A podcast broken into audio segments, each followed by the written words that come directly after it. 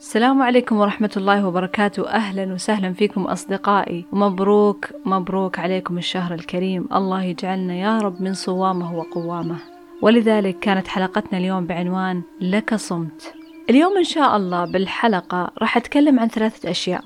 أولا معنى الصيام في اللغة العربية. اثنين الحكمة من الصيام. وثالثا الصيام والحجر. عند البحث عن معنى الصيام وجدت معاني كثيرة. قد تتفق في معظمها ولكنها تختلف في بعض التفسيرات. مثال معجم لسان العرب عرف الصوم بأنه هو الإمساك والترك وترك الطعام والشراب والنكاح والكلام.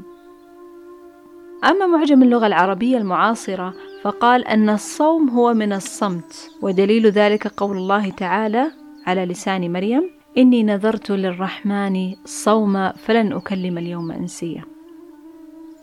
في معجم المصطلحات الفقهية الصوم قد يأتي بمعنى صوم الفريضة اللي هو الواجب اللي هو في رمضان أو صوم التطوع في غير رمضان أو صوم النذر وصوم الوصال وهو أن يصوم المرء من غير أن يفطر. يعني يواصل صيامه من غير أن يفطر. طبعا هذا كان يصومه النبي صلى الله عليه وسلم ولكنه نهى أن يصومه غيره.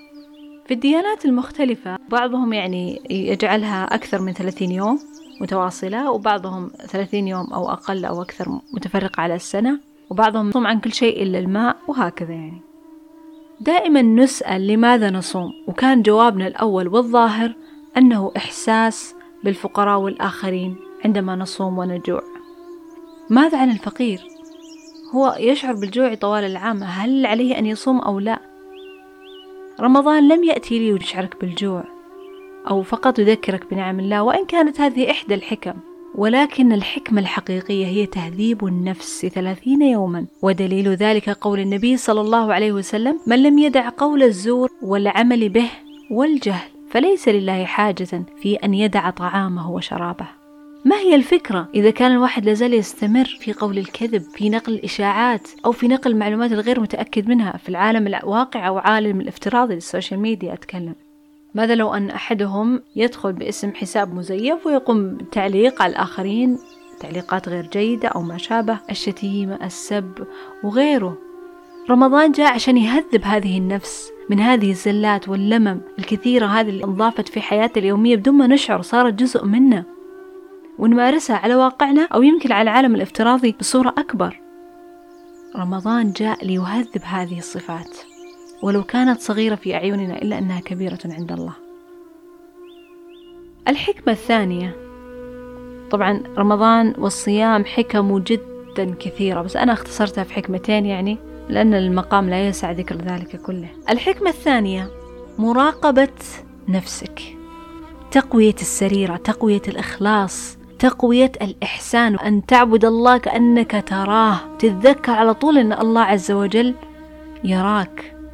ولذلك قال الله تعالى في الحديث القدسي إلا الصوم فإنه لي وأنا أجزي به لأن الله عز وجل هو من يعلم كيف كان صيامك وهل أتميته؟ وهل قمت به بالشكل الصحيح؟ هل حافظت على جوارحك؟ هل حافظت على أذنك؟ ماذا تسمع؟ وعينك ماذا ترى؟ ويدك ماذا تكتب؟ وقدميك أين تذهب؟